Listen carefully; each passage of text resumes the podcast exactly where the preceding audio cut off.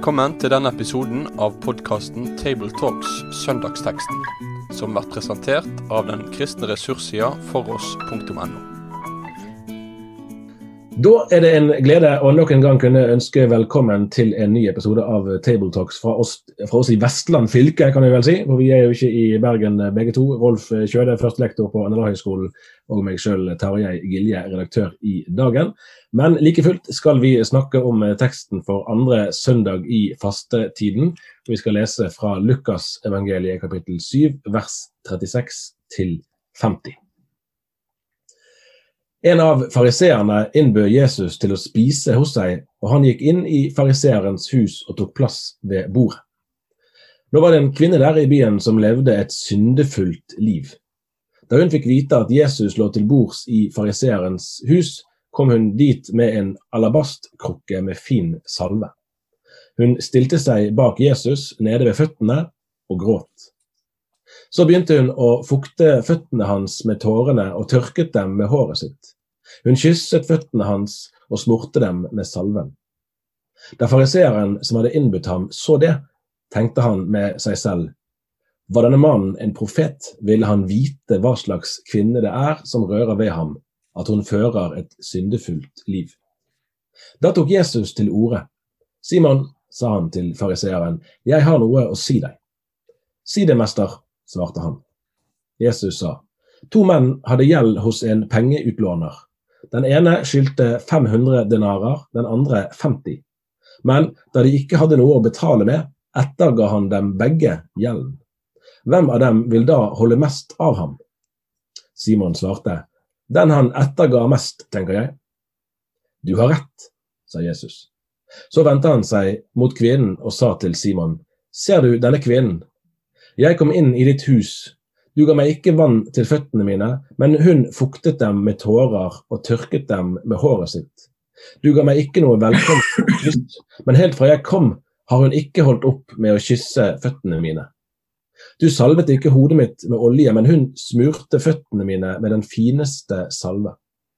Derfor sier jeg deg, hennes mange synder er tilgitt, derfor har hun vist stor kjærlighet. Men den som får lite tilgitt, elsker lite. Så sa han til kvinnen, syndene dine er tilgitt. Da begynte de andre gjestene å spørre seg selv, hvem er han som til og med tilgir synder? Men Jesus sa til kvinnen, din tro har frelst deg, gå i fred. Jesus gikk jo ikke av veien Rolf, for å opptre annerledes enn fariseerne ventet ventet av ham. Han provoserte de gjentatte ganger. Men i dagens tekst så blir han likevel invitert hjem til en av de Hva slags hovedinntrykk har vi egentlig av Jesu forhold til fariseerne? Det er jo et litt sånn diskutert spørsmål, det, fordi at uh, Han kan jo på en måte si det at det er jo ingen av eh, de grupperingene kanskje i samtida til Jesus som Jesus står nærmere enn fariseerne. Vi hører veldig lite om eh, essenerne, da, komoransamfunnet. Eh, eh, men om sadukerene hører vi mye, og det er jo konsekvent egentlig konfrontasjon. Mm. Fariserene, der er jo det f.eks. kom til apostelgjerningen, så leser vi også at mange, det var mange fariseere som kom til tro på han altså i, i apostelgjerningene tid. Sånn at der har jo vært en eller annen form for nærhet. altså Den rabbirolla som Jesus gikk inn i, det var jo en tilsvarende rolle som flere fariseere var rabbier for sine, for sine disipler. Og Sånn sett er det vel noen roller til Jesus også som svarer til roller til noen av de ledende fariseerne. Samtidig så er det ingen tvil om at det er de som oftest eh, konfronteres. Vi har jo i folkespråket vårt ikke et ord, negativt ord av du er en sadukeer. Altså, vil jo folk snu seg og spørre hva du snakker om. Men hvis vi kaller et menneske for en fariseer i språket vårt i dag, så har folk faktisk et aktivt forhold til det. Så det jo, vi møter jo dem oftere, da. Eh, men jeg tenker at et av de mest utfordrende punktene her i Jesu møte med fariseerne, det tror jeg er på det som hører litt fastetida til, da. Eh, nemlig eh, kampen mot de sterke maktene som vil drive meg vekk Og, og, og, på denne fastesøndagen her så er jo det så er jo noe av hovedpoenget at synda sine vilkår går djupt i oss. Eh, og, og denne, det var åpenbart med denne kvinna. Men det Jesus vil inn i denne sammenhengen, der, her det er på en måte å avdekke at det går like djupt i deg, Simon. Mm, det er jo kanskje den store utfordringa som rammer oss alle. da. Ja, ja, ja så kommer vi ikke unna at det er en ganske spesiell scene som utspiller seg her. Jeg prøvde, altså det, Vi leser jo dette med at de lå til bords. Det er jo liksom sånn det enkle ytre som er forskjellig fra, fra, vår egen tid. Men det er jo mye mer her som, som, er, som er, ja, spesielt. Hvis vi ser for oss at Jesus befant seg i et, i et fornemt selskap, da, forholdsvis, og det er kanskje et av byens minst ansette mennesker. Hun blir jo kalt for hore rett ut, f.eks. når Olav Skjevesland eh, skriver om teksten. Hun kommer ubedt inn i rommet. Så kunne jo det i seg sjøl være nok til at du fornemmer at det er sånn drama. Oi, hva gjør hun her? Men så begynner hun altså å fukte føttene hans med sine egne tårer og tørke de med håret sitt. Altså, Uavhengig av kultur og, og tid, dette er en ganske intim situasjon. Ja, den virker eh, kanskje litt mer intim på oss på én måte enn den var, men samtidig, ja, det er nok eh, absolutt grenseoverskridende vi kan kalle, kan kalle intimt. da. Eh, og ja, det er vel slik som den gamle biskop Olav Skjevesland skriver, at det er jo, det er jo sannsynligvis en prostituert vi står for her. Og hun var jo absolutt ikke invitert, hun var absolutt ikke velkommen. Og det er jo flere ting her altså Hvis hun var ugift, som hun sannsynligvis var hvis hun var prostituert, så burde ikke hun være ute egentlig sosialt sett uten en bror eller en far.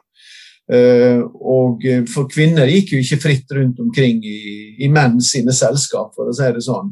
Det Utslåtte håret det er jo også noe som en, i en gitt kulturell kontekst så altså Det er noen av de som, som har sett på det, det, som skjer her, uh, og folk som kan det bedre enn meg, vil si det at det er nærmest som å gå toppløs, altså det å slå, slå ut håret sitt. Og um, løst hår betydde på en måte løs kvinne. Mm. Så Selv om ikke vi vet det sikkert, så er det iallfall at det var en situasjon som var flau for alle, bortsett fra for Jesus. da. Fordi at du kan si at Det som denne kvinna gjør med ham, det var ikke noe som Simon han kunne få krevd at Simon gjorde. Det, det, er jo ting, det tinga hun gjør, det er jo ting som en slave gjør. Samtidig, når du driver og kysser ham på føttene, så er det en form for ting som du det, altså, Der ligger både en form for nærhet i det, som egentlig bare de nærmeste skal kunne gjøre, men mm. også en, det ligger også en overgivelse i det, fordi at hun tjener jo Jesus bare, bare nede ved hans føtter. så Det er på en måte en underkastelse. Så sier Jesus, jeg hører deg til. Sant det. Ja, for Vi leste akkurat i, i barnebibelen her hjemme, det er jo sånne ting som vi som har gått på søndagsskole har hørt mange ganger. Sant? Men at på den tiden så gikk både, både hester og kyr rundt omkring, og, og, skoene var ikke tette, for å si det sånn. Sånn at beina var mer skitne enn beina våre er. Så det er jo sånn at det ligger på en måte en form for underkastelse, kan du si, og at de faktisk kan bruke sitt eget hår og sine tårer til å vaske hans føtter. Absolutt. absolutt. Men har du, har du vært i utlandet på en slik måte at du er blitt vaska føttene på? Nei, det har jeg ikke opplevd. Sånn, det har vært mer sånn bare symbolske i kirkelig uh, sammenheng. Ja, for nei, Det har jeg opplevd flere ganger, både i India og Bangladesh, spesielt der. Uh, og, uh, og, da er det mer sånn du har kommet som gjest til folk, og så er det da noen Det har jo ofte vært noen jenter, da, så yngre jenter kanskje på en internatskole og sånt, som, som da, når vi kommer, så vasker de føttene våre og oljer og disse tingene her. Så det er det har jeg tenkt på noen ganger, at kanskje jeg skulle tilbudt meg å, å, å være men det ble det ikke til det noen ganger. Så kommer vi til vers 39 og får en egentlig ganske interessant innblikk i tenkningen til verten. og Det er på en måte avslørende nok, det. Eh, altså Når han sier at jeg tenker meg seg selv at Jesus burde jo skjønne eh, hvem denne kvinnen var. Hvis han skjønte det, så burde han ha avvist hun. Men hvorfor skulle det være opplagt at om Jesus forsto hvem hun var, så var det avstandstagen som var det naturlige. Hva slags, hva slags, tenkning er det vi møter på her, egentlig? Altså, Du spurte jo i stad om dette med at, uh, det at han, han, ble jo tross alt invitert. Hvorfor ble han vel egentlig det? Uh, og uh, Kan det være en pur og ren og god gjestfrihet? Eller kan det være det som ofte var i tilknytning til Jesus, både fra fariseere og andre skriftlærde, at de ville teste han ut, de ville prøve han ut. Altså, kanskje de ville ha en samtale med han for å spørre han ut, hva vet jeg. Um, men de har jo lagt merke til han, de har jo, de har jo sett han gjøre under. Uh, og, uh, og det er jo det som ble sagt om Jesus, når Jesus sjøl spør kan sier folk at det er, og da er det med en gang profetorda som kommer fram. Og Fariseerne trodde jo virkelig på at det fantes profeter. Um, og så er det at han her, uh, Kanskje det er den tvilen, kanskje det er derfor han har invitert han vil sjekke ut er dette en profet, eller altså, er det noe spesielt med han, eller er han bare sånn som oss andre på en måte, bare med litt sære meninger. Uh, men du har jo rett, for du påpeker at i neste vers så så eh, et, etter han har tenkt at nei, han kan ikke være profet, men ikke han forstår det, og så bruker Jesus det samme imot han. Uh, og så blir han kanskje overrumpla. Jeg vet ikke. Ja, jeg, når jeg leser de, altså, Dette her er jo kanskje ja, akkurat Tanken om hvordan teksten er blitt til, eh, vet jo ingen av oss helt sikkert. Men her er det i hvert fall kløktig, kløktig utvalg av opplysninger. På den måten at I vers 39 så får vi høre hva verten tenker. Vi vet ikke om at han sa det til noen, men da allerede i vers 40 så vet Jesus tydeligvis hva han har tenkt og, og leser grunntanken hans og viser seg jo sånn som en profet, men han bruker sin profetiske innsikt til noe helt annet enn det verten hadde tenkt. Ja, og det er jo typisk Jesus, egentlig. Han er ikke interessert i å oppfylle forventninger til hvordan han skal te seg, eller til hvordan han skal bruke sine evner, enten det er helbredende evne eller profetiske evne. Eh, men han, han, bruker det som han har der, for den større tjenesten som han har, ikke for å tilfredsstille andre. Akkurat. Og Så kommer vi til det som vi vel kan si er tekstens eh, pedagogiske hovedpoeng når Jesus forteller denne historien om disse to som, som sto i gjeld. Eh, og det selve Poenget er jo klart nok at de fleste vil være enige om at eh, han som elsker mest, er han som fikk ettergitt mest. Men da, hvis vi prøver helt enkelt å leve oss inn i situasjonen der og da, så blir jo det her et egentlig ganske skarpt budskap til fariseeren. Nesten sånn altså nesten frekt da, at du blir invitert hjem til noen, og så er det som responsen på invitasjonen er å, å presentere implisitt og presentere fariseeren på den måten her. Han følte seg jo kanskje både from og oppriktig i utgangspunktet, fariseeren. Eh, ja, det, det må jeg tro. Det er nesten som sånn her tolleren og fariseeren i tempelsituasjonen. Eh, og Det er åpenbart for alle at hun som kommer ubedt inn der, altså, Det trenger ikke engang avsløres, alle vet hva liv hun har. Mm. Uh, men det som Jesus jo gjør med denne fortellinga, det sier ja, kan godt hende hun har to års, års, årslønn i gjeld, men det er noen som har to månedslønn i gjeld. Uh, og de trenger også ettergitt. og så er det på en måte det han, han sier til fariseerne. Du, du, dere sliter alle her inne. Dere står i gjeld alle her inne. Synda har makt over dere alle. Ikke så åpenbart som du har med henne, slik som vi har lett for å tenke det. Men dere er alle, dere er alle i trøbbel. Uh, og, uh, og, da er det spørsmålet er dere klar over det. Vet dere at dere er i trøbbel på en sånn måte at hvis dere blir tilgitt, så er det bare kjærlighet som kommer tilbake fra dere. For da, da er dere fri den store byrda i livet. Og det det var ikke deres store byrde i livet. Deres store byrde i livet var å etterleve de 365 påbudene og tilsvarende et antall forbud. Så mener Det var deres byrde i livet, mens Jesus kommer og sier at nei, dere har en mye større byrde i livet. Nemlig dere har, dere har en gjeld som må slettes. Det er en synd som sitter djupt i dere også, ikke bare i henne.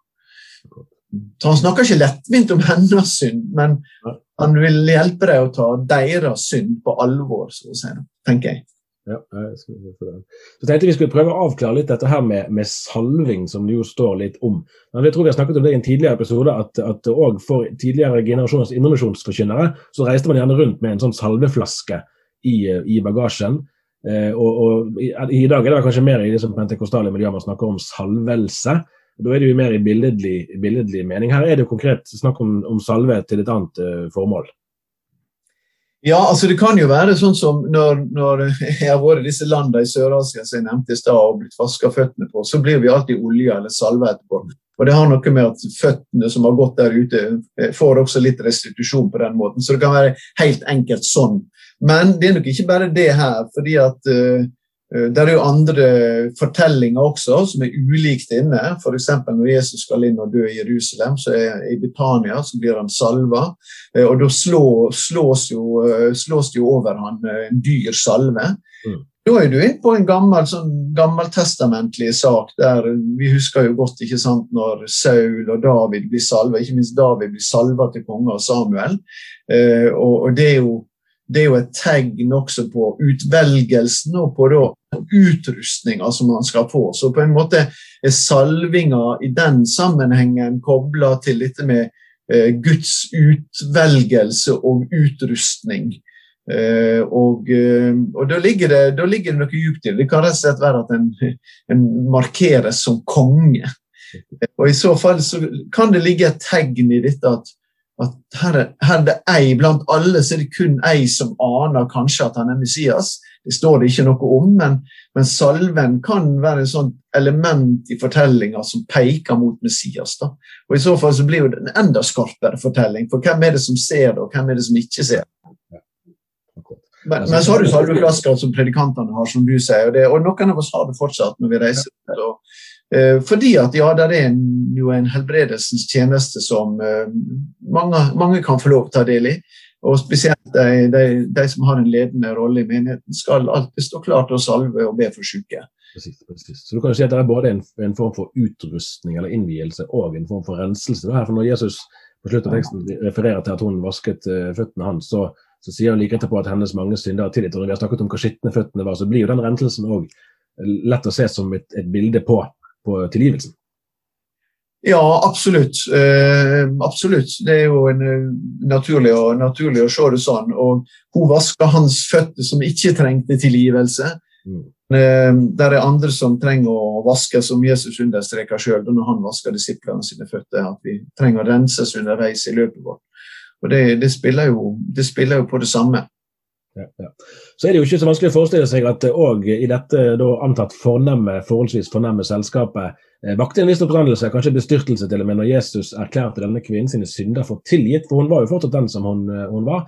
Men og her er vi ved noe av det som jeg syns er, er, eh, egentlig noe av det mest utfordrende i denne og flere lignende tekster, som er ganske konsistent hos Jesus, at han gjerne løfter frem de underprivilegerte på de kan vi si, altså religiøse eller religiøse elitenes bekostning. På den måten at hvis vi ser rundt oss i, i eh, den moderne kristenheten, så er det vel ikke Vi går ikke helt eh, fri fra å ha et, kanskje et visst fariserpreg sjøl.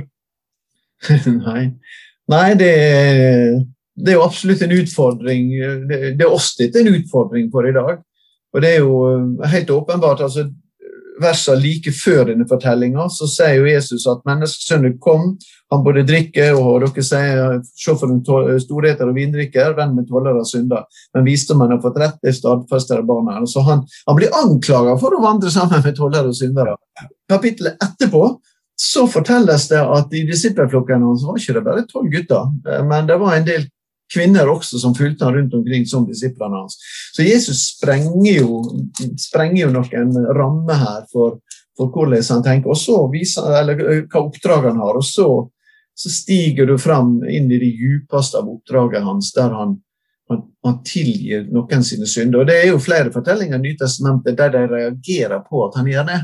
Og så kan jeg spørre hva er det primært der jeg reagerer på at hun som er så stor synder, blir tilgitt? Kanskje. Eller at han rett og slett sier de ordene som om Gud. Ja. Altså, da, han, han, han, erklærer på en måte en guddommelig tilgivelse over det. og Det er jo det for eksempel, med han der som blir fyrt ned gjennom taket. Det er jo det jeg står direkte at jeg reagerer på da. Ikke at han ble en tilgitt synder. Det kan godt hende de syntes det var kjekt at folk fikk tilgivelse. Men at Jesus faktisk påtar seg den rolla. Men det er jo det vi tror, da, at han som døde for syndene våre og sto opp igjen til rettferdighet, at han, han, er den som eier nøklene til tilgivelse, og er den som eier tilgivelsens makt. Uh, og Det er jo det store evangeliet tenker jeg, i teksten her, som enhver forkynner må få fram.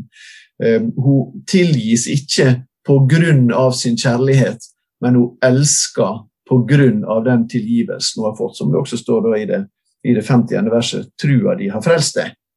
i fred. Det er fordi at hun tr fikk tru oppstandelsen at også kjærligheten, nei, tilgivelsen, at også kjærligheten strømma innover i livet. Og det fikk det uttrykket som det fikk. Vel talt. Skal vi si at det var det vi rakk i denne omgang? Ja, det kan vi godt. Takk for at dere hørte på, og så er vi tilbake om ikke så lenge. Ha det bra så lenge. Med det sier vi takk for følget for denne gang. Finn flere ressurser, og vær gjerne med å støtte oss på foross.no.